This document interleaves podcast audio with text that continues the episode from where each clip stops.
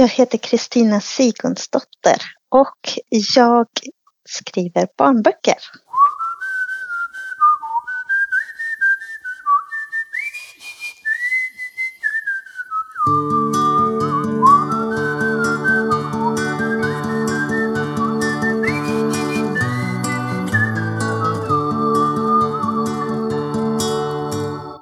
Kristina.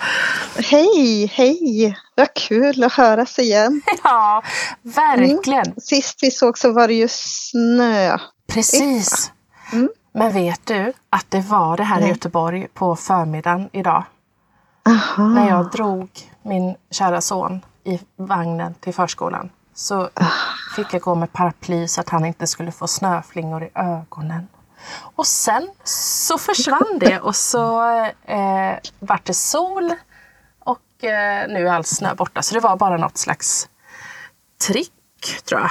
Gud vad skönt. Ja. ja men här är det, jag bor ju i Torna-Hällestad utanför Lund så här är det faktiskt värsta vårdagen med sol. Ja. Och eh, nu sitter jag i min ateljé här utanför huset och spanar på lite krokusar och annat som börjar liksom komma ut. Och det luktar jättemycket koskit ute och det känns lite härligt också. Ja, verkligen. Det är ändå lite, ja jag fattar känslan. När det luktar mm. också lite varmt nästan så. Varm ja, koskit. varm koskit. varm. Inget är så vårigt som varmt bajs. Det upptinade bajs. Jag kommer ihåg när jag var liten så bodde jag i en by som hette Barkarö utanför mm. Västerås. Och det här är väl preskriberat nu men jag orkade ju inte plocka upp bajset från mina hundar när jag var liten. Nej. Jag gick med dem och så, så gick jag liksom en runda så här. Och sen så kom våren och avslöjade mig. liksom, snön försvann och Alex och Rasmus små, våra hundar hette liksom vanliga namn. Det tyckte pappa var bra. Jakthundsnamn. Ja, just Alex och Rasmus. Alex och Rasmus. Eh, så deras eh, spår kom till liv. Ja, just det. Syntes. Men man kan ju alltid skylla på andra. Ja, absolut. Det är svårt att härleda, tänker jag. Ja, in, om man inte är en galning. Ja, precis.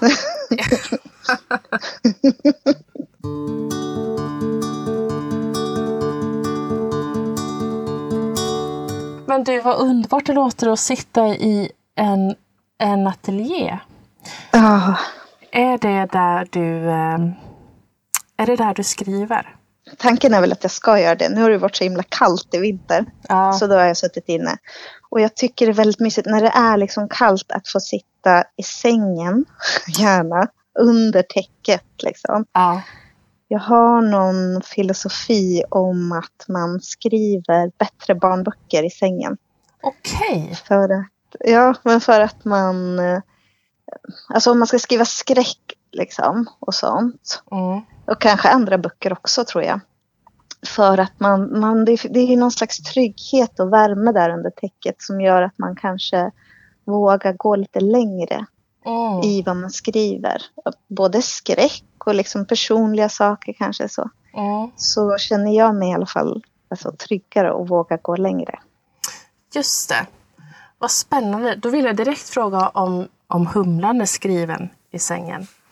I sängen? Ja. Jo, absolut. Ja. Sängen och soffan.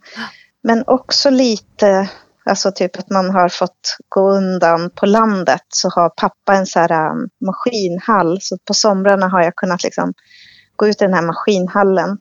Vid, liksom, mitt mellan alla så här verktyg och eh, det här gigantiska kylskåpet där de har, eh, när de har jagat, så hänger de saker. Oh. Döda djur där. Så där bredvid För där får jag vara i fred. Liksom. Man måste hitta ah, någonstans där de inte hittar en, barnen. Mm. Nej, just det. Precis. Men om vi, om vi går tillbaks lite. Har, du, har liksom skrivandet alltid funnits, funnits med för dig i ditt liv? Gud, ja. ja. Absolut. Jag, eh, men första minnena jag har faktiskt, det är att jag har så här, eh, jag hade en garderob hemma när jag var, var liten. Då måste ha varit liksom fem, sex, för det jag hittade är väldigt så här, första. Och då tog jag en ficklampa och så satte jag mig i garderoben och skrev Mm. dikter och liksom sorgliga sånger om min hund som dött och sånt. Okej. Åh. Mm. Så Men- där och sen så har det varit något, alltså ett extremt behov som jag alltid haft. Att jag har behövt, eh, ja, men, många barn behöver ju, och det gjorde jag också, men leka ut det som man upplever liksom. Så Mm.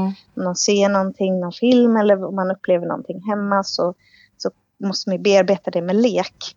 Och jag har också haft ett här jättestort behov av att, eh, att liksom gå igenom det med text. Så jag har skrivit jättemycket dagbok och, Mm. Och jättemycket liksom poesi ända sedan jag var liten för att kunna hantera livet. Liksom. Mm. Ehm, och det är ju fortfarande så. Och det har ju varit så här när man blev vuxen. Och så här, okej, men nu måste du ha ett, ett riktigt då, jobb. Så då försökte jag, ja, men om jag skaffar mig ett skrivande jobb så kanske det fixar sig. Att jag kan eh, få ut det på det sättet. Men det funkar ju inte riktigt så. Alltså, jag utbildar mig till journalist och då Mm. måste man ju ändå skriva andras berättelser. Men då på journalist eh, på, på skolan då så, så hittar jag på jättemycket av det som svåra uppgifter när man skulle gå och intervjua någon gubbe på stan. Ja. Så hittar jag ju på dem hela tiden. Så. Alltså istället för att gå ut och intervjua den gubben på stan så... gud, vem orkar liksom? Nej, men inte om man har det i sig då. Ja, det men det är, det är en rolig utmaning Ja. att försöka hitta på. Precis, verkligen. Så det ska låta verkligen verkligt också. Så Ja, ja, det är lite precis. så här äh, halvbra svar. Så, som man får. ja, men det var så skönt också ja, men när jag liksom, när jag har, ja, nu har jag ju hållit på med det i mer än tio år, att jag har varit författare på heltid. Mm. Det är verkligen ett stort behov som jag har, för jag, man har, jag känner att jag har liksom en viss mängd text i mig som jag orkar få ur mig varje dag. Och om jag då slösar den på annat så, så finns det inte liksom energi kvar till det andra. Jag måste skriva för att fungera. Liksom. Ja, så det är väldigt skönt att jag har lyckats nu mer än tio år i alla fall få göra det och ingenting annat. Ja, precis. Har det varit mycket det fiktiva skrivandet även då när du skrev dagbok och sådär? Eller kunde det liksom vara... Då blev det poesi och kunde du hitta på lite historier där också? Jag tror, eller det beror på vilken liksom tid det är i livet, men när jag var typ 20, i början av 30-årsåldern så var det typ att jag hittade på livet mer. Att jag, ehm, jag hade ett alter ego som hette Lifterskan. Mm. Och hon var väldigt vild och eh, jag flyttade ut i, ja, till det här stället eh, där min pappa växte upp, den här gården. För där kunde jag sitta själv, för det var ingen, inga där, inga grannar. Så jag kunde sitta själv i den här stugan i skogen och bara liksom eh, vara som någon slags fantasivarelse där ute. Mm. Och då blev det ju väldigt poetiskt eftersom jag levde som någon karaktär i en bok. Liksom. Mm. Så det liksom blandades ihop på något sätt. Mm. Så det är svårt att svara på. Ja, som en precis. eh, verklighet. Eller, då var väl både text och allt var väl verklighet samtidigt som jag liksom lekte väldigt mycket. Mm. Just det. Mm. Det där kan jag komma ihåg själv också som barn man Mm. skrev dagbok. Att, man var, att jag kunde liksom skarva till det lite eller skruva, skruva till någon historia så att den blev lite roligare. Och sådär.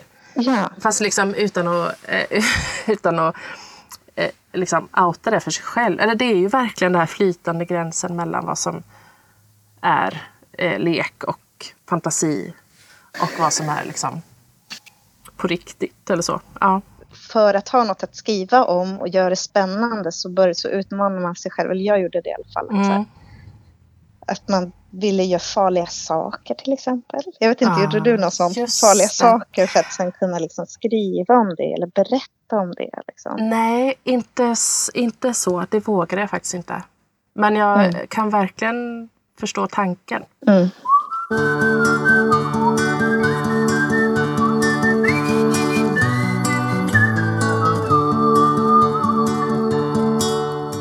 När utbildade du dig till journalist? Hur gammal är du då? Gud, det var 20-årsåldern. Jag är jättedålig på, på årtal. Jag har liksom äh, räknat mina år på andra sätt genom typ vilka killar jag varit ihop med. Jag, men det blir så jäkla internt.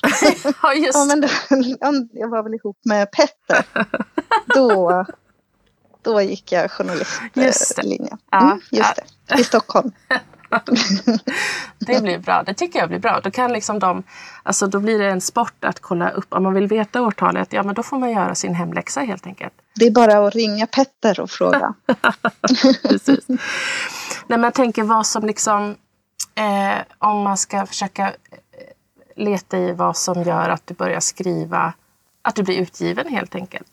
Är det rovfåglar eller är det Sjöpojken. Ah, Det sjöpojkar? var en liten diktsamling som jag gjorde. Mm. Som var som en, eh, egentligen som en libretto till en opera som jag började skriva på. Då var jag ihop med Nikolaj Dunger.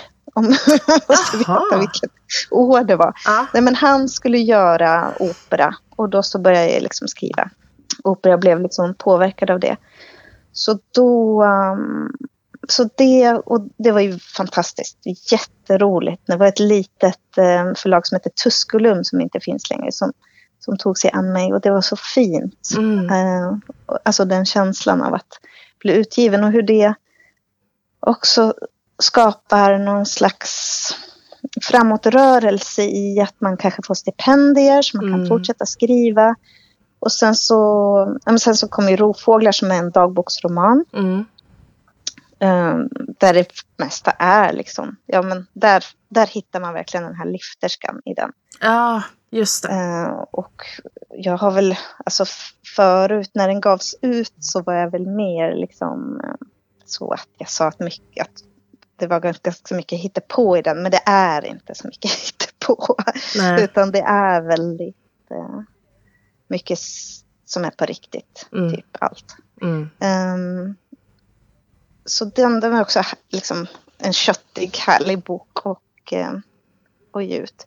Men då var det ju mest för vuxna. Men sen så hittade jag ju eh, då, ehm, jag, jag gjorde en pjäs för barn Mm. eh, som heter Systrarna Stormhatt och det stora fågeläventyret på Dramaten i Stockholm. Åh, vilket, und, vilket underbart namn. ja, men det var jätteroligt. Och då blev jag så himla fascinerad av hur barn liksom tar emot kultur och hur de eh, men lever sig in i berättelsen och liksom är med. Mm. Så här medverkar i berättelsen och texten. Så det tyckte jag var så himla roligt. Så, och, då så, och sen så ville jag skriva för barn. Mm. Och sen så lärde jag känna Ester Ja, eh, Eriksson då. Just det. För jag tänker att den rovfåglar är ju verkligen en liten, eller den, den har ju betydelse för väl kommande samarbete med Ester och där, därmed liksom Ja. ehm, ja, vad som sen blir vår älskade humla. Ja. Berätta. Ja men eh, Ester läste Rovfåglar och så vidare. Hon kände igen, det är ju, jag mår inte så bra när jag skriver den. Eller både bra och dåligt. Men, ehm, så det är lite sisådär med, psyket då. Men, Mm. men då läste Ester den och hon kände igen sig jättemycket. Mm. Så hon eh, skrev så här fanbrev till mig. Jättefint. Skickade på posten en så här stor A4-kuvert som var målat på med orm, huggormar och något porträtt på mig som står med några voodoo-grejer. och jättefint brev och sen så hamnade vi i samma studio i Malmö tillsammans. Ja. Och så var det ju liksom, ja, att vi så meant to be. Ja. Och sen så bara försökte jag hitta någon text som skulle funka till hennes liksom, fantastiskt svarta humor. Så, så Mm. jag verkligen jag skickade flera olika saker och till slut så jag bara försöka imponera på henne och vara rolig och svart. Liksom. och sen till slut så, så hittade vi det liksom. Så hittade vi humlan. Ja. Och det är ju verkligen våran unge som vi Ja. När ni skickade in till eh, förlag för att få den utgiven så fanns både illustration och text. Redan? Alltså det var ju väldigt lite text. Det var liksom som någon slags pekbok som. De alltså det var så lite. Så de sa, men vi ja, men älskar det här men det behövs ju mer. Så. Ja. Och, då, och nu så förstår jag ju det. Då var jag så här, oj, okej. Sen, eh, den var ju ja, men mer som en eh, mer bilderbok. Eh, så, men typ som Barbro Lindgren har liksom mycket, alltså lite text, mycket bild Mm, sådär mm. och bara skisser. Eh, I hennes, eh, inte Bladen brinner utan de första om Just det. eh, Sparvel. Ja. Sparvelböckerna som jag älskar. Eh, så det var lite lik där i hur mycket text och bild det var. Men så, så la jag till mycket mera text och sen så gick det hem hos andra också. Ja. Men vad fanns med då och vad kom till... Alltså hur klar var Humlan för dig när ni skickade in det först? Jag tror att jag hade hittat hennes röst, alltså hennes liksom komiska röst. Mm. Och jag hade hittat faster Fanny Mm, och hästtjejerna. mm, Men sen... Ja men så typ det fanns väl något slags skelett till det här. Mm. Men, men inte så mycket text. Jag kan tröttna på mig själv. Så. Jag känner också redan nu när vi pratar att jag Ja. pratar så mycket. Och då blir jag trött på mig själv. Jag är som en gubbar. Alltså, jag är lite avundsjuk på gubbar som kan liksom bara Som kan mala på, ja. ja. prata så om tråkiga saker Ja. också. Nu, inte något dumt sagt om Om gubbar. pappa då som jag precis har varit och Nej, hälsat just på. Men, Nej. men det är ju väldigt mycket prat om liksom, eh, olika sjukdomar eller stubbfräsar eller Mm, ja, mm. alltså så, jag kan prata jättelänge. Så, det, så kan jag bli text också. ja. Att jag blir så här, men vem orkar? Vem orkar lyssna på mitt liksom, dravel? Så då kan jag bli lite kort och snabb. Ja. Men då säger ju, då har ju liksom en förläggare, då har ju Marie som Mm. säger att det behöver vara mer. Mm. Och då är det skönt att det är någon som har sagt åt mig att Mm. låta mer. Liksom. Just det. Ja, åh, ja, intressant. Har det blivit eh, bättre, eller vad ska man säga, i takt med att böckerna har getts ut? Att du ändå tänker att du vågar skriva på lite mer? För det är visst folk som orkar lyssna. Ja, Mm. och att Ester gör det Ja. framför allt. Det är som att jag skriver till henne väldigt mycket Mm. när jag skrev Humlan. Mm. Och till Hanna, min redaktör också, för att hon, eh, hon känns ju också som en stor liksom, del i, i skapandeprocessen. För att jag har liksom, att hon, det känns som att hon har samma hjärna som jag. Så att, det är som Mm. att de är de första, först Ester då som ska göra illustrationerna och sen så liksom Hanna som ska vara den här första läsaren och sen så Marie då som är förläggare. Mm. Så det, jag tror det är de. Men nu har ju liksom barnen börjat komma in också Mm. Att man får höra om alltså, barnläsarna då, som, som är helt, som har liksom vissa som kanske är ensamma barn som, in, som har med sig Humlan-böckerna i skolan och läser dem på rasterna varje rast. Mm. Några som har så här att de lyssnar på eh, Humlan eller på BIM då, BIMs värld, Mm. varje kväll innan de ska sova. Mm. Och så att det blir deras här boksystrar. De Mm. håller i handen. Det är väldigt fint. Så då, de ger ju också en så här, äh, kraft att, att skriva så mycket, eller lite mer text än vad jag egentligen pallar med. Mm. Mm. Just det. Du får gå emot dig själv. Ibland vill man ju bara sitta och poeta sig liksom. Och skriva flummiga grejer. Och sen så får man ju pressa sig själv till att göra kapitelböcker. Mm. Att det ska bli något sånt av det och inte bara för att, för att det ska vara kul för mig. Ja, just det.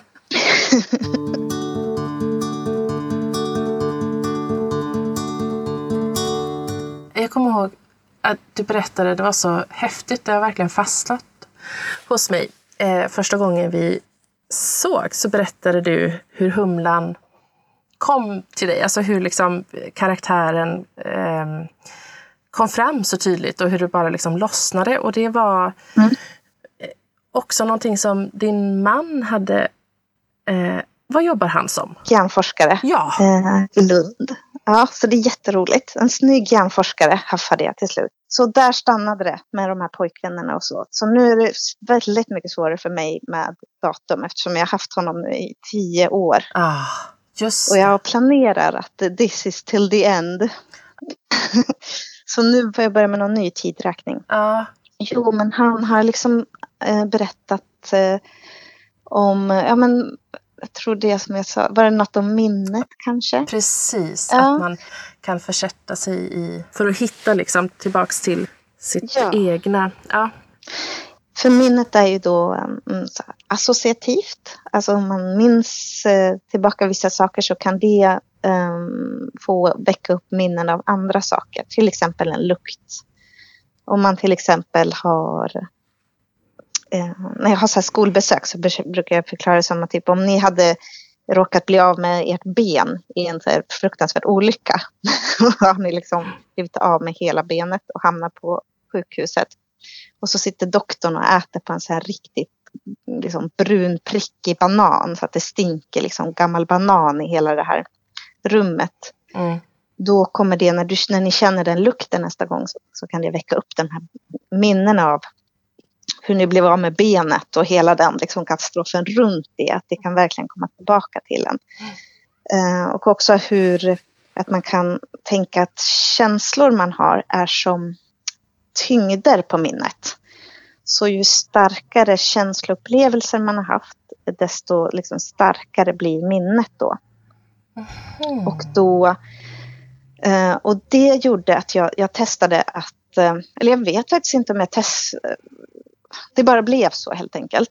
När jag gick till eh, Malmö stadsbibliotek och sen så lånade jag så här böcker som jag älskade när jag var typ 10-11. Mm. Eh, Gummitarsan och så vidare. Mm.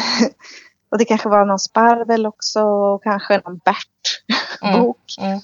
Och sen så när jag läste de här så var det som att jag mindes både såklart böckerna och allt som hände. Men det var också som att jag började minnas vem jag själv var när jag var 11 år. Mm. Alltså det väckte verkligen upp de här känslorna. Och sen så när jag satte mig och skrev på biblioteket och precis då, då var det som att liksom humlan satt bredvid mig och vickade på en stol och bara nu Mm. kör vi. Och sen så har, fanns hennes röst jättetydlig för att hon är ju väldigt mycket jag Mm. när jag var 11 år.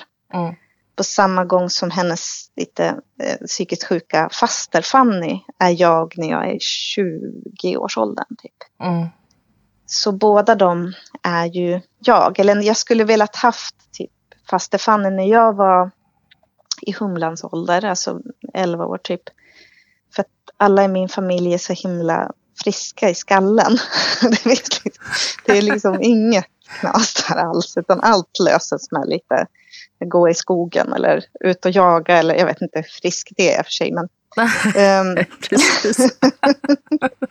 men, men de är liksom väldigt normala om man säger så. Mm. Så det fanns liksom ingen som jag kunde spegla mig mot när jag hade liksom starka känslor. Jag var känslig unge helt enkelt. Mm. Så jag skulle nog behövt en faster Fanny som liksom berättade för mig, gav mig ord på till exempel som vargtimmen. Mm. Som hon berättar för humlan vad det är och vad man kan göra då. och Så, så att man liksom sätter ord på sina känslor och hur man kan hantera dem. Mm. Och jag skulle velat haft en liten humlan som liksom dök upp och gav mig kärlek och inte var rädd för mitt psykiska liksom, Mm. Det. mående när jag var i 20-årsåldern. Mm. Just det. Så. Ja, det är ju Mm. så fint. Väldigt, väldigt häftigt att höra.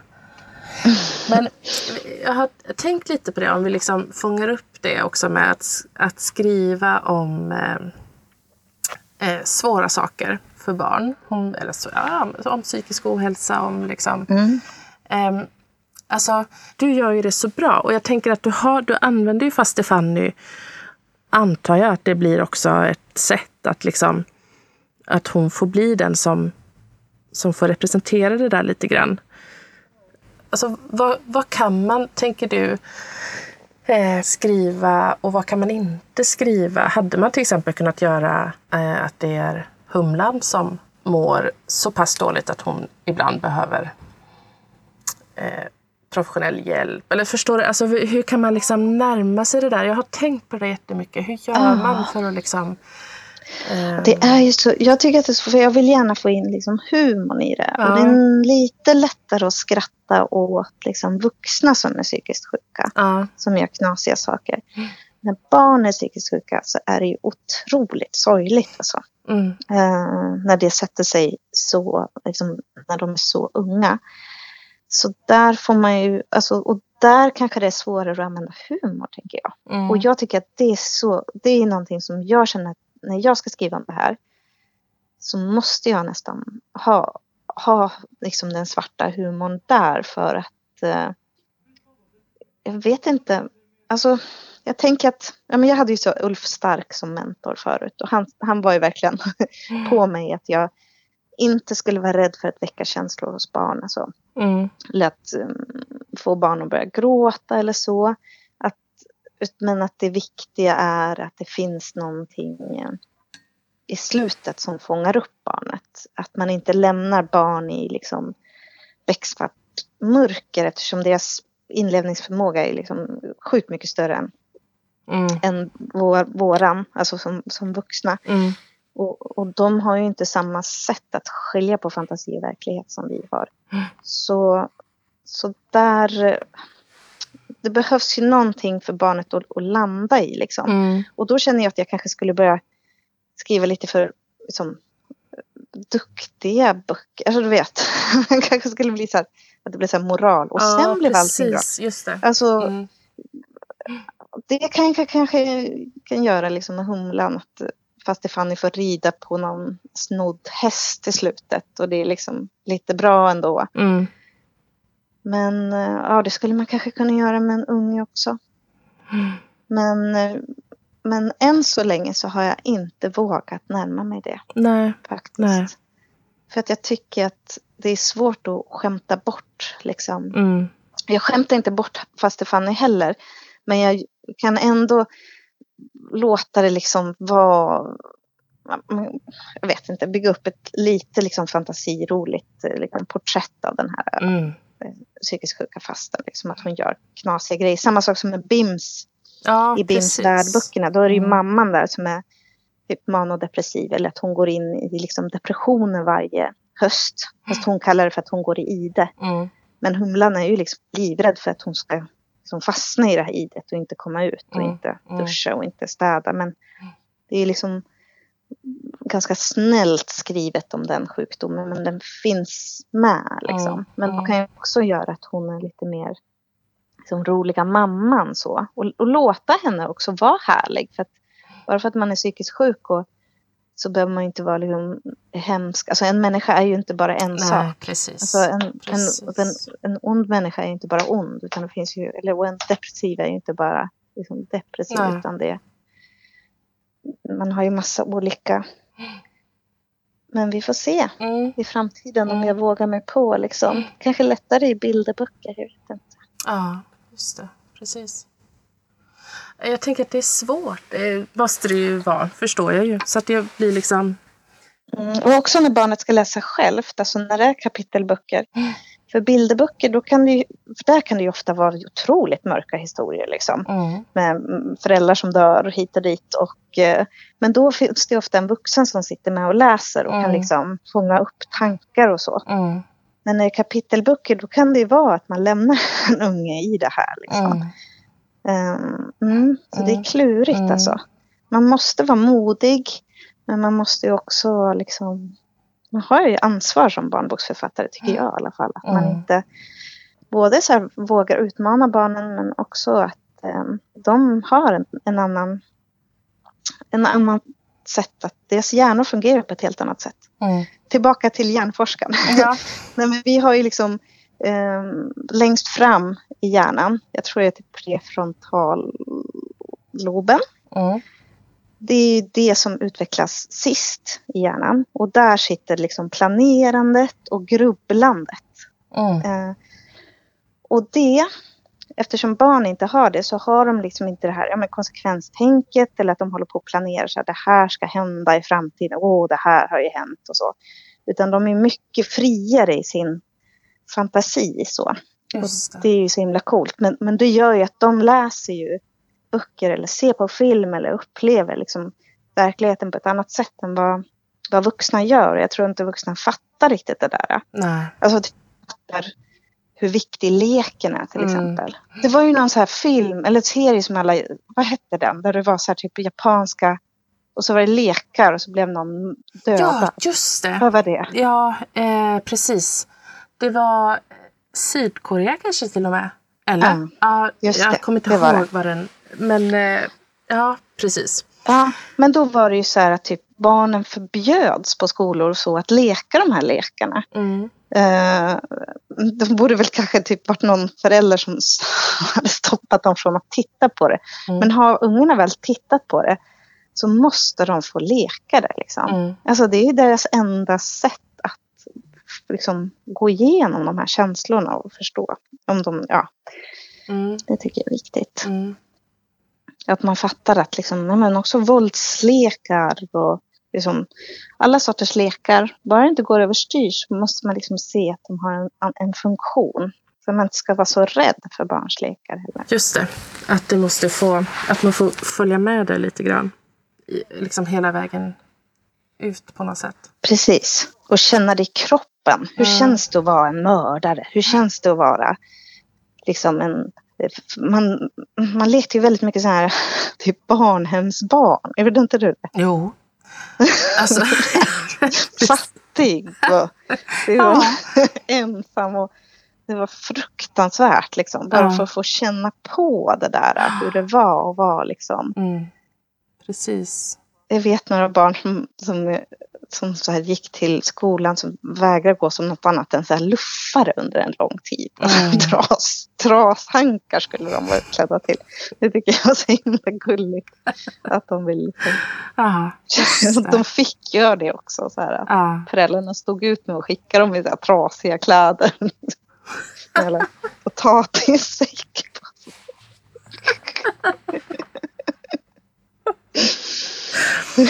Åh, gud. Ja, det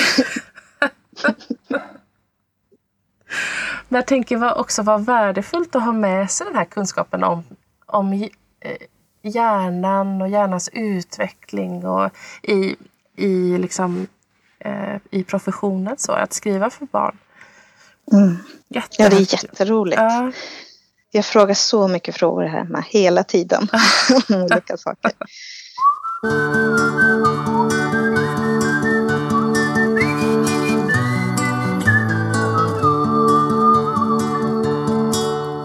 Jag tänkte backa tillbaks lite till, du nämnde Ulf Stark som mentor. Vill du, vill du berätta mer om det? Hur kom det sig och, och hur såg det ut? Alltså vi var på, jag jobbade som projektledare för Stockholms poesifestival Mm. för den här tidskriften som heter 20-tal nu. Och när jag började där, det var i Stockholm, de har redaktion så då heter det 00-tal. Mm. Och då var jag praktikant där. Men så slutade min handledare. Då tog jag hennes tjänst. Mm. och hon var då projektledare för Stockholms poesifestival som den här tidskriften håller i varje år. Ja. Och de har också barnpoesifestivalen. Mm. Och barnpoesifestivalen har då en stor pjäs eh, varje år. Eller de hade det då i alla fall. Eh, och då var det Ulf Stark som hade skrivit den året innan och sen så var det väl, eh, så hade vi ingen. Mm. Ett år. Vi hade ingen pjäs och då, jag skulle väl e- egentligen ha suttit och ringt in så här, ringt på annonser eller typ försökt få in pengar till någonting. Men jag la av luren en dag och så, så satt jag med och skrev Ja. manus. Åh. Och så, så ringde min chef Madeleine Grive. Ehm, och sa, vad har du gjort idag? Då sa jag, jag har, jag har skrivit ett manus till, till en pjäs. Hon bara, jaha, mm, okej, jag skickar det då. och så skickade jag det och sen så, så ringde hon tillbaka. Du är ett geni! Vi Ah. kör så. så det var så fruktansvärt skönt. Så det var jätteroligt. Det var ju världens grej att få komma in på Dramaten direkt och jobba med liksom Rickard Wolff Ja. fick spela någon så alkoholiserad kråka. Och, ja men det var ju helt otroligt. Och då var ju Ulf min mentor i Ah. det arbetet först. Ah, okej. Mm. Mm. Och sen så fortsatte vi. Eh, så var det han jag skickade alla mina liksom, eh, manus till först och så skrev han tillbaka. Och kom med lite förslag. Vi har, jag har en Pixie-bok som heter Min krokodil tror den är en racerbil. Där har han hjälpt till med lite rim bland annat. Och kollat på, sen är det mycket manus som han har hjälpt med som inte har blivit någonting. Man har ju skrivit ett antal manus i mm. sitt liv. Mm. Eh, som liksom har kommit en bit men inte hela vägen. Mm. Så så det, det var väldigt synd att han, han gick bort så tidigt. Mm. Det skulle varit härligt att ha haft kvar honom. Mm. mm. Alla de där eh, manusen som ligger. Mm. Ligger de och får bara ligga och, och, i eh, lite... Ruttna. Jag tänkte så här ligga i träda eller något sånt där. Att de bara får, eller är det något som du liksom plockar upp ibland eller hur?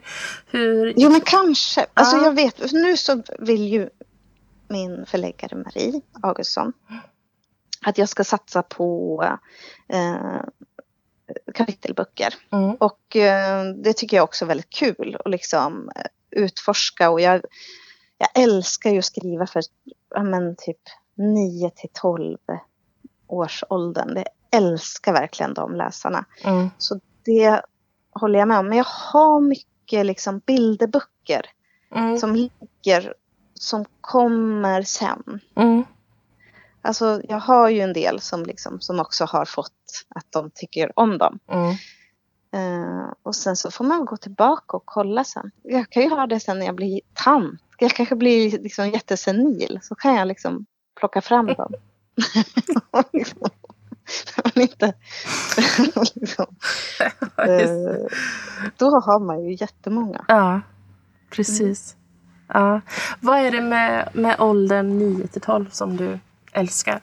Um, de har ju kvar fantasin mm. för att de är liksom ungar fortfarande. Men jättemycket vuxenvärld. Mm. Och man kan liksom gå ganska långt i, ehm, alltså skriva om läskiga. Det finns liksom nästan ingen gräns för vad man kan skriva för en 9 till 12-åring.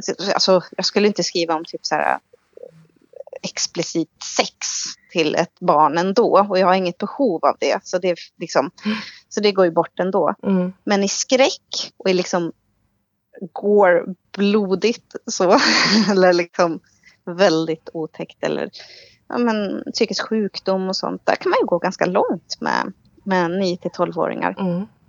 Sen kanske inte deras föräldrar tycker alltid det. Eller deras lärare kanske blir lite skräckslagna ibland. Mm. Men jag vet ju att barnen, de flesta barnen kan verkligen hantera att man... Och där kör jag stenhårt på vad Ulf liksom har tutat i mig. Att inte vara rädd för att liksom mm. få barn att känna. Ja, så det, så det är så himla härlig kombination. Att det är ju nästan som små tonåringar fast de har fortfarande kvar liksom fantasin. Så att man kan få in dem i världen. Liksom. Att de bygger världen med en. Mm. Just det. Och jag vet att de gör sitt eget av det hela. Ja. Alltså de skapar sina egna stora världar av det jag skriver. Det är så himla coolt. De är ju, det, ja. Mm. Jag blir liksom vild av lycka när jag tänker på liksom, att det finns tolvåringar som sitter och läser det jag skriver och tycker, tycker om det. Liksom. Mm. Alltså, det är ju helt sjukt mm. att, att man lyckas med det när man är över 40. att, de ska, att de tycker samma sak som jag är roligt. Ja, skrattar åt samma sak. Det är, så, det är helt galet. Ja. Alltså att man, jag, eller så, jag är jättebarnslig, jag vet inte. Men jag vet ju att vuxna också skrattar. Ja, verkligen. Har du skrattat? Oh ja. Oh ja. Och jag vet också, nej men jag, jag vet också sexåringar som skrattar. Och som också ja. är med och läser.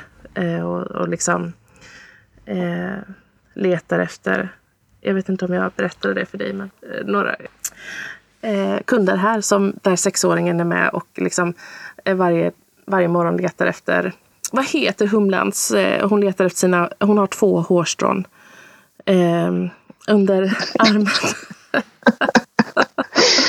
Vad sjutton heter de? Hon har ju döpt sina ah, första armhålshår. Ah. Susi. Ja, Susi 1 och Susi 2.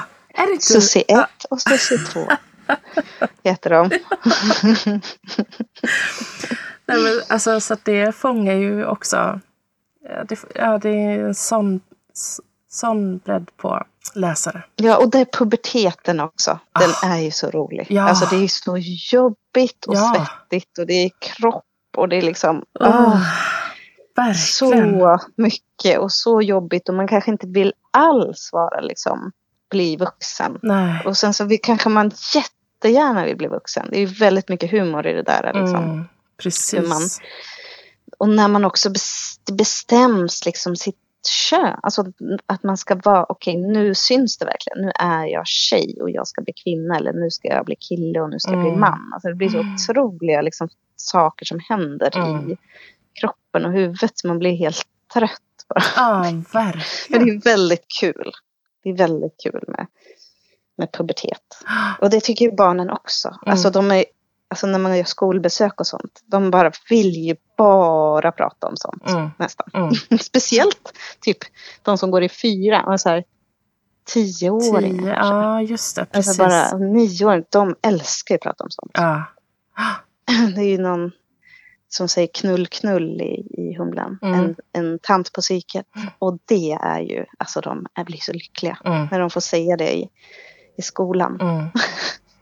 Just det. Jag trodde de sa sånt hela tiden. Alltså jag trodde verkligen att det var så här ofarligt. Jag tänkte att de sa massa värre saker. Nej, nej. Men mycket.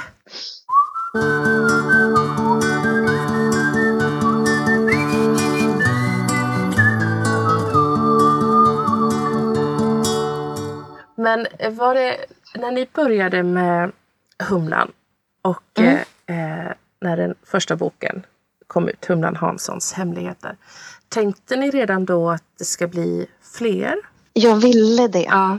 Alltså för i mitt huvud, det går fort när det liksom, när man väl har hittat den så går det jättefort i huvudet att jag hittar berättelserna. Sen Mm. går det långsamt när jag ska skriva dem. Men då hittar jag ganska fort den här trilogin liksom. ja. Men eh, även om den fick liksom jättebra recensioner och blev liksom bra mottagen. Och Ja, fick, fick ett fantastiskt fint pris också. Ja, men innan, innan ja, det priset Ja, så, var det, det. så var det ändå liksom väldigt bra recensioner. Och, men det är ändå så, det säljer ju inte så bra. Liksom. Mm. Det finns ju en viss sorts böcker för barn som säljer svinbra. Så det var lite sådär, jag vet inte. Och sen så när vi fick Augustpriset så Mm. då var det det som gjorde att vi fick liksom ge ut eh, flera böcker om Mm. Humlan. Och det var så skönt för jag bara jag var liksom inte klar. Nej. Alltså det fanns så mycket saker kvar som skulle hända i den här. eh, Jag ville, jag hade sån otrolig längtan efter att få visa. För i första boken så är ju Humlan och Nor, de är ju ifrån varandra Mm. typ hela tiden. Mm. Eh, Så jag ville liksom visa hur fantastiska de var tillsammans. Alltså det här bästisskapet. Så. Eh, det fnissiga liksom tjejhänget, de två. Eh, så det var jag så glad för att jag fick. Och sen så ville jag också i sista boken gå in i faste Fanny Mm. och liksom se vem hon var och ge henne liksom en revansch mot familjen tror jag som aldrig trodde att, de skulle, att hon skulle bli någonting. Att hon liksom att det Mm. Att hon, ja men jag ville verkligen att hon skulle få en revansch. Kanske så som jag har fått i min egen familj. Att jag, de har ju också undrat vad, vad jag har hållit på med liksom. Mm. Alltså innan det, innan det började gå bra så var det ju liksom ehm, det är ju tufft, man får ju leva på stipendier och jag fick bo i den här stugan i skogen för att inte, alltså Mm. för att leva billigt och för att jag var ju tvungen att skriva, för att jag måste göra det. Mm. Eh, och då var jag tvungen att och, och också ha ingen lön under lång tid utan bara kunna liksom eh, bo gratis i pappas stuga och typ eh, leva på potatis. Mm. Eh, Ah, och eh, för att få skriva, Mm. för kunna leva. Ehm, ja, men sen, ja, jag vet inte vad jag skulle säga. Att få äh, att den revanschen som äh, Ja, just det. Fanny. Ja, och då känns det som att, för de fattar ju aldrig, jag kommer ihåg någon gång när jag satt i den här stugan liksom, och så kom min brorsa dit, min storbror, han är tio år äldre än mig. Och då satt jag och skrev i det här gamla torpet där pappa växte upp, i salen där. Och, eh, och sen så kom han in och han bara, vad gör du för någonting Kristina? så var det som att det var så här helt sjukt att jag satt där helt själv i skogen och skrev. och var ensam. De var jätteoroliga för mig. Ah.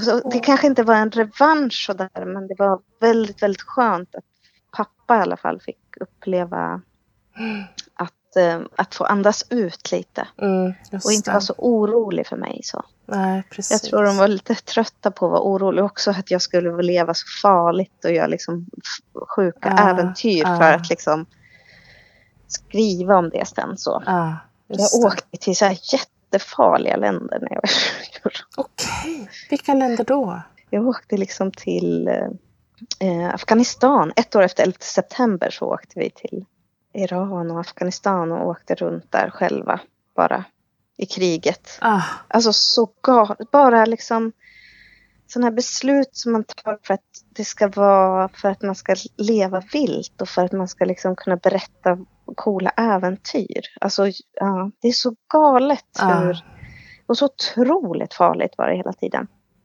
Men eh, det är ju roligt att kunna liksom berätta om det när man har överlevt. Men mm, ja, mm, så jag tror pappa tycker att det är väldigt skönt nu. mm. Så han grät så mycket när jag ringde honom och berättade.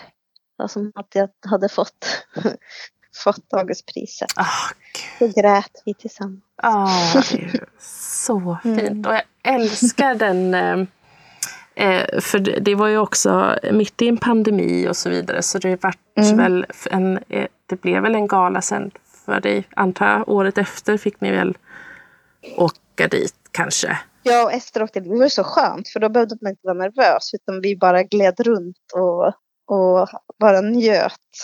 Men det finns ju eh, när det eh, annonseras då att ni får eh, Augustpriset. Eller jag vet inte om Ester är med, men, men det finns, jag har sett klipp på dig i alla fall. Jo, men de, är, de har med när de ringer hem till oss. Ah, ah, Och sen så, så jag bara skriker ju. ja, precis. Eh, Jenny Jägerfeld var det som ringde. Jag kände att jag har förstört hennes hörsel för evigt. Ja, men det var fantastiskt. Ja, nej, men det var otroligt härligt. Och jag, jag, på något sätt så var det ändå lite skönt att det var pandemi. För att, det vet jag inte. Det var, det var mysigt. Alltså det var en härlig känsla i det där. Det blev så förhöjt. Förstår du? Ja. För allt annat var liksom så otroligt grått. Mm. Och det här gjorde ju att alltså, jag blomstrade. jag hade ju så härlig tid då. Ah, Och sen så också så här hur det firades. Alltså, eh, när jag skulle gå ut, för vi bodde i Malmö då, en liten lägenhet. Så då var jag tvungen att gå ut för att jag intervjuade nere i källaren. På Mm. så här, eh, litet rum som man kunde sitta i där. Och sen så när jag kom ner på gården och skulle gå ut och stå liksom mammor från förskolan där med champagne och liksom oh så här Gud. reflexvästar typ i mörkret. Och bara wow! Ah. Och grannarna kommer ut och, och skålar och har med någon krukväxt liksom.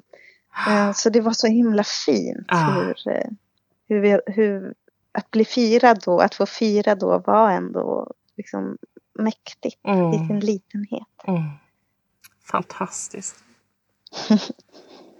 Men då fanns tvåan redan skriven, eller hur? Eh, alltså när de åker till Spanien. Olla Humlan Hansson. Jag tror det, eller jag hade börjat på den i alla Ja, fall. ja, just det.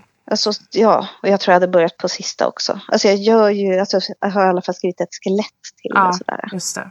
Jag vet inte om vi pratade om det sist när du var här i Lilla bokskåpet i december. Men kring det här hur, hur man eh, tar sig an att fortsätta då efter ett, en sån eh, urladdning också kanske som det är. Men eh, också eventuella prestationsångest och så vidare med att ta tag och skriva mer när den första blir så otroligt hyllad och Ja, jag tror att alltså, själva skrivandet var inte svårt.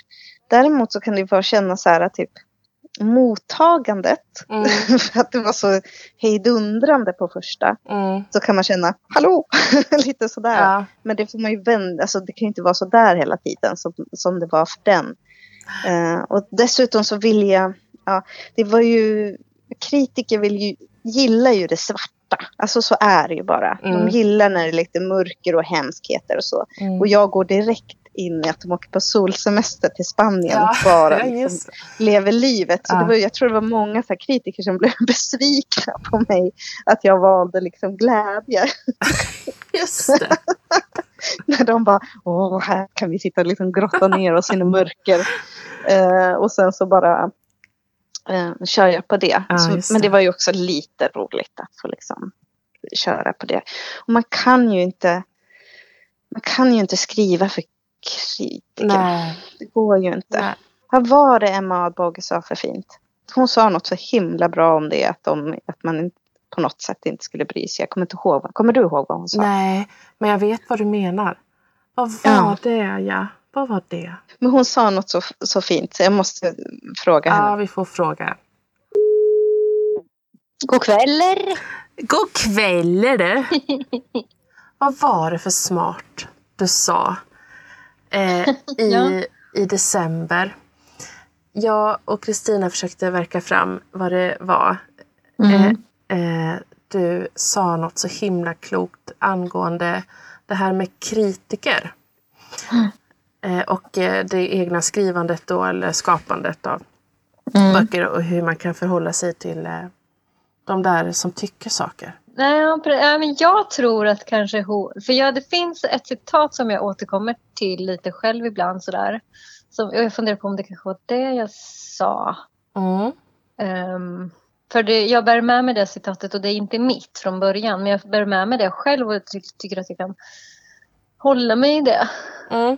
ibland lite när, när, när vi pratar om sånt. Jag tror att det kan ha varit citatet att eh, en konstnär bör förhålla sig till kritikern som fågeln till ornitologen. Just det. Och det är ju inte jag som har kommit på Nej. den smartingen va? Utan det är ju, har jag läst i en bok. Ja, men bara det vittnar väl om din smarthet. Ja, att jag läser böcker menar du? Ta hand om dig. Ja, men du också. Hej. Hej! Det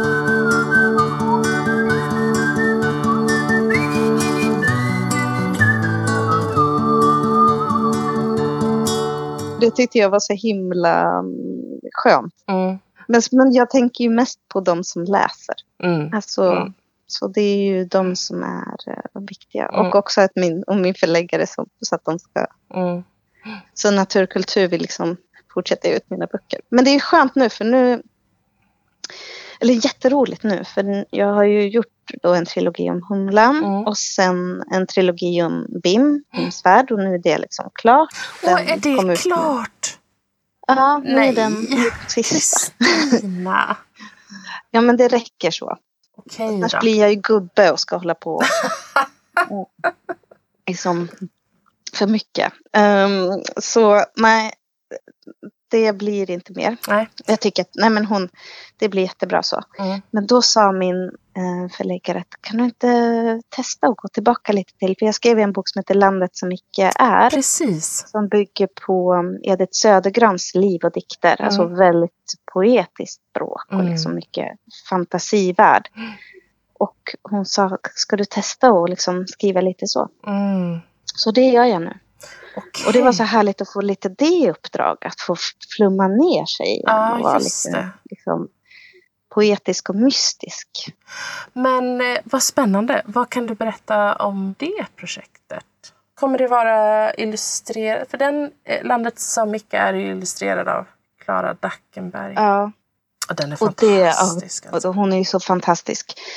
Den som jag skriver nu är inte liksom byggd på poesi så utan jag håller på att jobba med en konstnär som heter Signe Johannesen. Mm. Och, eh, vi har gjort lite olika grejer och jag brukar skriva liksom texter som hon får, alltså dikter eller um, olika saker som hon kan få använda som typ ett arbetsmaterial i hennes utställningar. Mm. Och eh, så berättade hon för mig så här om, om hennes eh, kommande utställning för, för länge sedan. Som nu finns på Örebro konsthall. Den första april öppnade den. Mm. Och den heter uh, Uppståndelsen i Kvarntorp. Och den, den bygger på så här um, fynd som finns på uh, i så här, Historiska museets arkiv. För att uh, på, när var det nu? 1949 så hittade de ett så här fynd, mm. så här, ett arkeologiskt fynd med, från en, ett, ett offer som har gjorts en sån myr. Eh, och då är det så att det här offret är, det är en kvinna. Det är en medelålders kvinna för det ser man på skallen. Mm. Men eh, eh, käken är inte människa. Käken är hund. Mm. Och det finns också en benbit från en häst. Och så en grisfot. Och en så här koskuldra eh, i det här fyndet. Och eh, ett så här reben från så här oidentifierat djur. Nej. Jo, så de har liksom satt ihop ett fantasiväsen. Och eh, offrat dem. Och det här hände att man gjorde förr i tiden. Eh, så det här är, alltså det är så spännande. Så hon har Ja. gjort en utställning kring det här fyndet och jag skrev eh, ett, ett requiem, alltså en dödsmässa, skrev jag texten till, till den här kvinnan då. Oj. Och Men. det här är liksom, ja men det är så spännande. Så gå, alla som är runt Örebro måste liksom gå på den här Ja, ja. eh, utställningen. Men och hon bygger liksom mycket med skelett och hår och, och gör liksom, videoinstallationer med barn som klär ut sig i olika djur. Ja, det är så coolt. Ah. Men det inspirerade mig till att skriva i alla fall om eh, någonting, ett väsen som finns då ute på, ett, på en myr, så, i en grop. Att det finns någonting där. Och bara liksom, jag vill skriva skräck. Och också jag flyttat till en by, alltså att hon är helst av den här byn. Just det. Så det inspirerar mig till att skriva om en by där det är liksom lite så här sektigt. Det är väldigt, väldigt underbart i den här byn. Det var så här, när vi flyttade hit så kändes det så här, alltså det är som en skräckfilm, du vet. När allt är så bra och alla är så trevliga. Det. Och det är så här otroligt härligt här. Ja, Så här, vad är det egentligen? liksom? precis.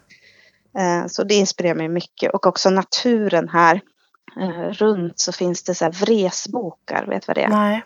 Det är en slags bok men det har blivit något, liksom gen, alltså något fel på dem som är väldigt krokiga. Så de ser ut som så här drakar och så här stora skogar med sådana vresbokar här.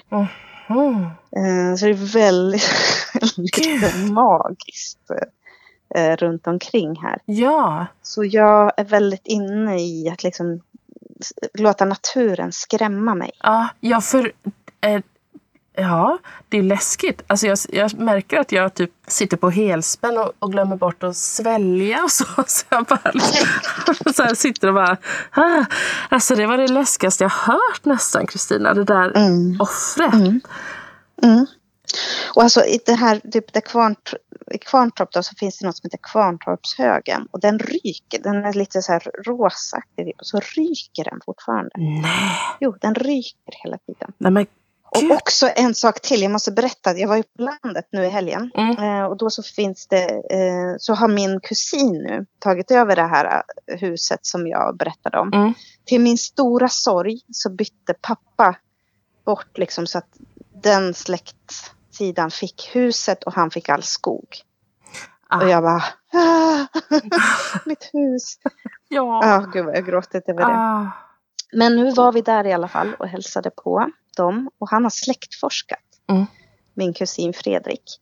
Och han har liksom hittat tillbaka till, alltså helt galet, han har hittat tillbaka till så här, innan Kristus har jag liksom släkt. Eh, Sådana som finns omnämnda i Bibeln. Så. Ja, och någon vikingahövdingen Rollo han är med i typ Vikings och sånt. Men han är i alla fall så här, rakt nedstigande led eh, släkt med mig. Men också en, en präst som under liksom det stora äve, oväsendet, du vet häxprocessen Ja. i Sverige var en av de värsta. De är liksom rakt eh, nedstigande led är jag hans eh, eh, släkting då. Eh, på min farmors sida. Ah. Som han, han dödade 13, bränna 30 stycken häxor då. Oj. Innan, innan Stockholm kom och stoppade honom. Så han var Ah. hel. Så det är en av min farfäder. Den här äh, häxbrännaren. Och det är Ah. också någonting som jag använder i den här boken som jag skriver nu. Det här. Ah. Eh, Den där mentaliteten som, Mm, som bildades i en by. Liksom, när de skulle men, göra offer. Mm. Som förmodligen hände med den här kvinnan då. Ja, vem det nu var precis. för länge sedan. Och vem det var. Och, Mm. mm, och det är så spännande med sånt. Ah, Och otäckt. ah, jätteotäckt. Och jättespännande. Får se hur barnen tar det här. Ja. Om 12-åringarna om 12-åringarna Ja, klarar men av det här. precis.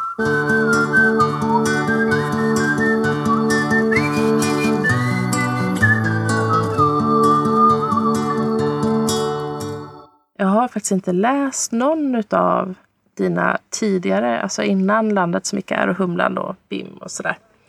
Men du har skrivit lite skräck då? Jag har skrivit Hundgården, Ja. är en som är för vuxna. Just det. Men, eh, men jag, ja, det är roligt att skriva sånt för vuxna, men då blir det liksom, nej det är inte lika roligt som att skriva för barn. Nej. Men det är någonting som jag lockas av, för jag tycker att det finns mycket, alltså jag är världens största naturromantiker, Mm. har alltid varit och bara Alltså levde, då när jag levde i stugan så hade jag ju så här intimt förhållande med skogen. Jag liksom Ah. bara eh, var liksom med de här träden och mossan och liksom var så himla nära allting. Mm.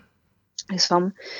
Eh, och jag, vet, alltså jag, jag känner den så bra för jag har luktat och Mm. smakat och varit så nära natur så jag, jag kan den så, liksom så himla bra. Så att, och jag vet hur, hur den kan skrämma andra. Mm.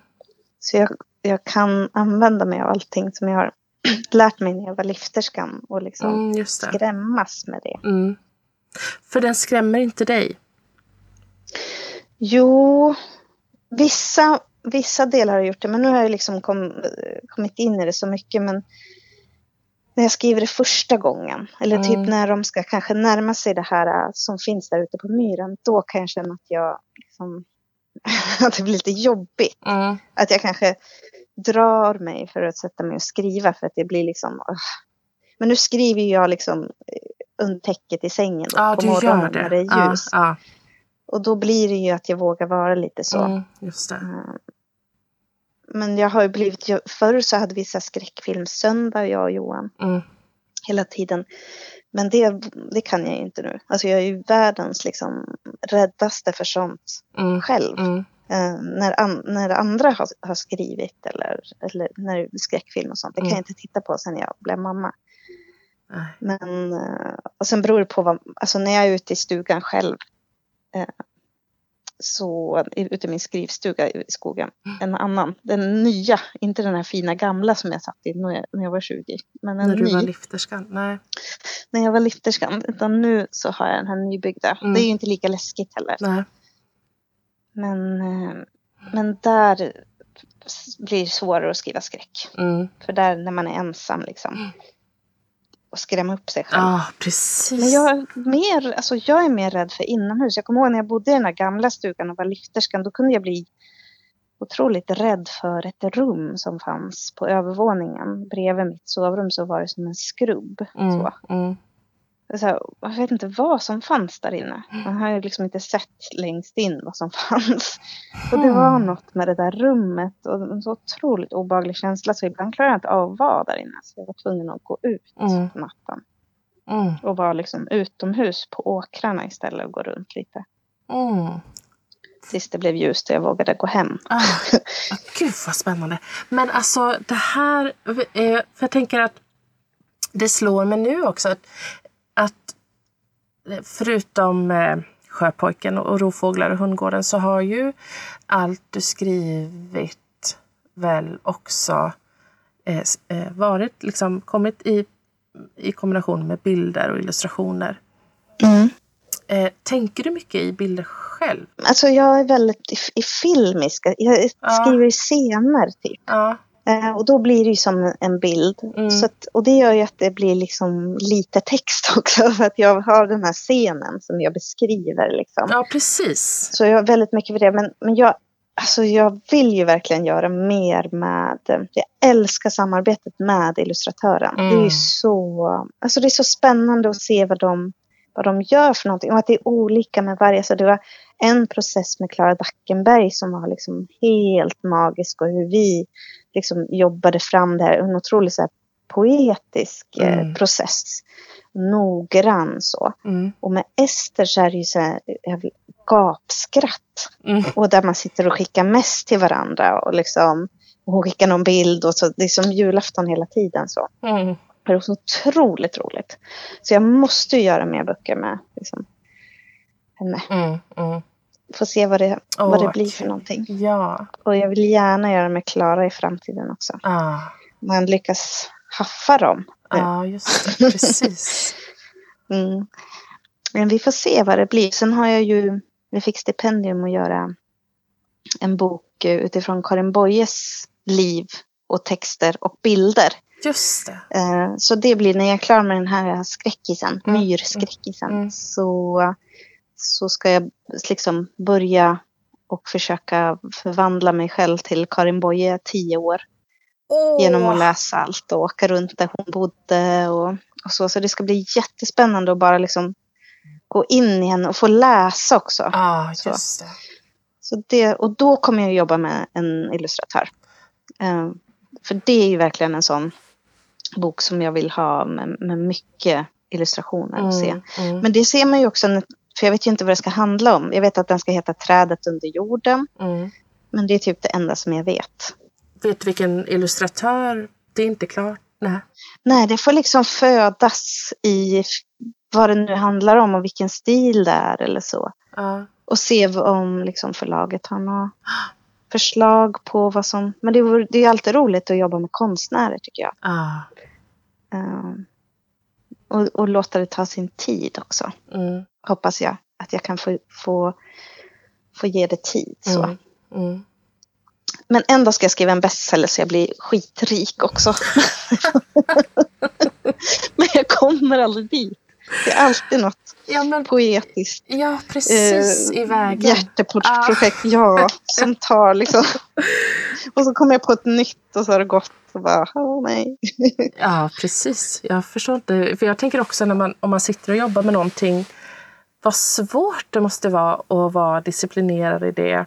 Och inte börja liksom tjuvsmaka lite på Karin Boye till exempel. Eller sådär. Ja. Eller? Jag får vara så sträng. Ja. Alltså otroligt sträng, otroligt sträng med mig själv nu när jag ska liksom sitta. Jag har ju liksom skrivit ett schema som sitter uppe på kylskåpet där det står den här tiden ska du skriva, sen får du göra det här och sen får du, alltså så här, Ja. till punkt och pricka. Men jag måste typ städa först hemma så att det är fint. Ja. liksom. Ja. Så. Paus för att vattna blommorna. Alltså så här, Ja. ja. Jag måste verkligen vara jättesträng med mig själv.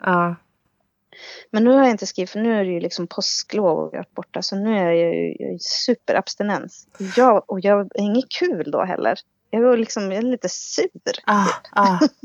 Att jag går hemma och bara så här, blir lite irriterad på typ äh, saker.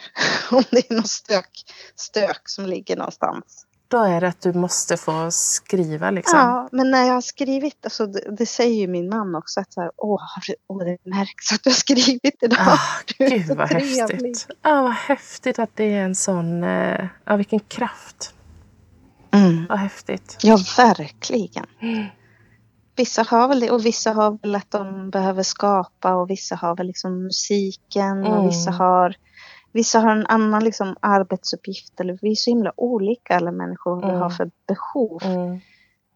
Och sen så ses de behoven som olika viktiga beroende på hur Mm. mycket pengar de genererar. Typ, vilket blir så knasigt. Mm. Eh, så, men jag har verkligen tagit mitt behov på allvar. Liksom. Och som tur var så har jag träffat en man som också gör det. Som förstår att han kan till och med vara så här, "Ähm, nej nu räcker det med skolbesök. nu får du börja säga Ah, nej. Du ska det. skriva. Ja. Det är det som du ska göra. Så. Mm. Mm. Och jag tänker också att eh, ja, det är så fint som du säger att, att ta det där behovet på allvar.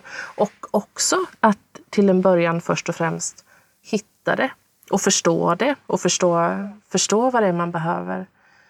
Eh, Ja. så.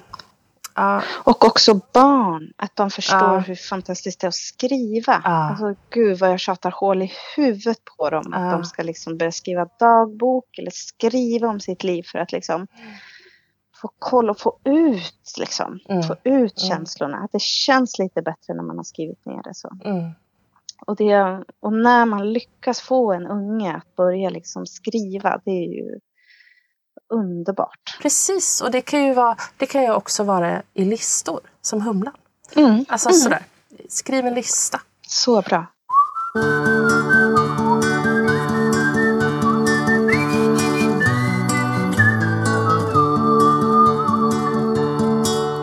Finns det något som du eh, inte har utforskat och då får du tänka fritt i liksom, eh, for, olika former eller uttryckssätt eller sådär som, som du inte har liksom riktigt eh, fått förlösas i eller fått eh, utforska ännu eller fått liksom göra som du skulle vilja göra.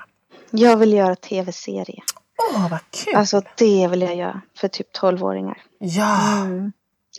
Så roligt. Så roligt att göra någon Humlan-grej eller så här hästtjejer. Eller teater också. Teater och tv-serier. Men så här typ SVT Play. Eller du vet så här korta. Ja. Så.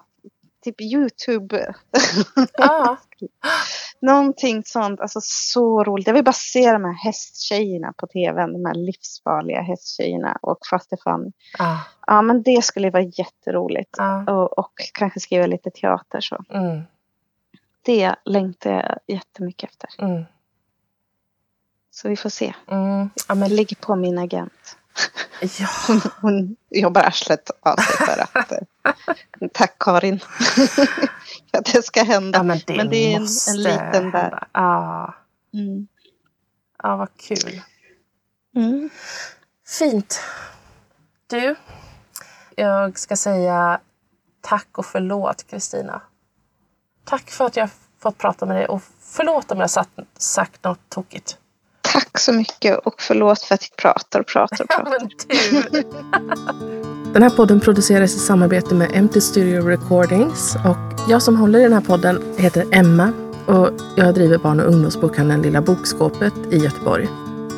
Och det är en systerbokhandel till Bokskåpet och den bokhandeln ligger också i Göteborg.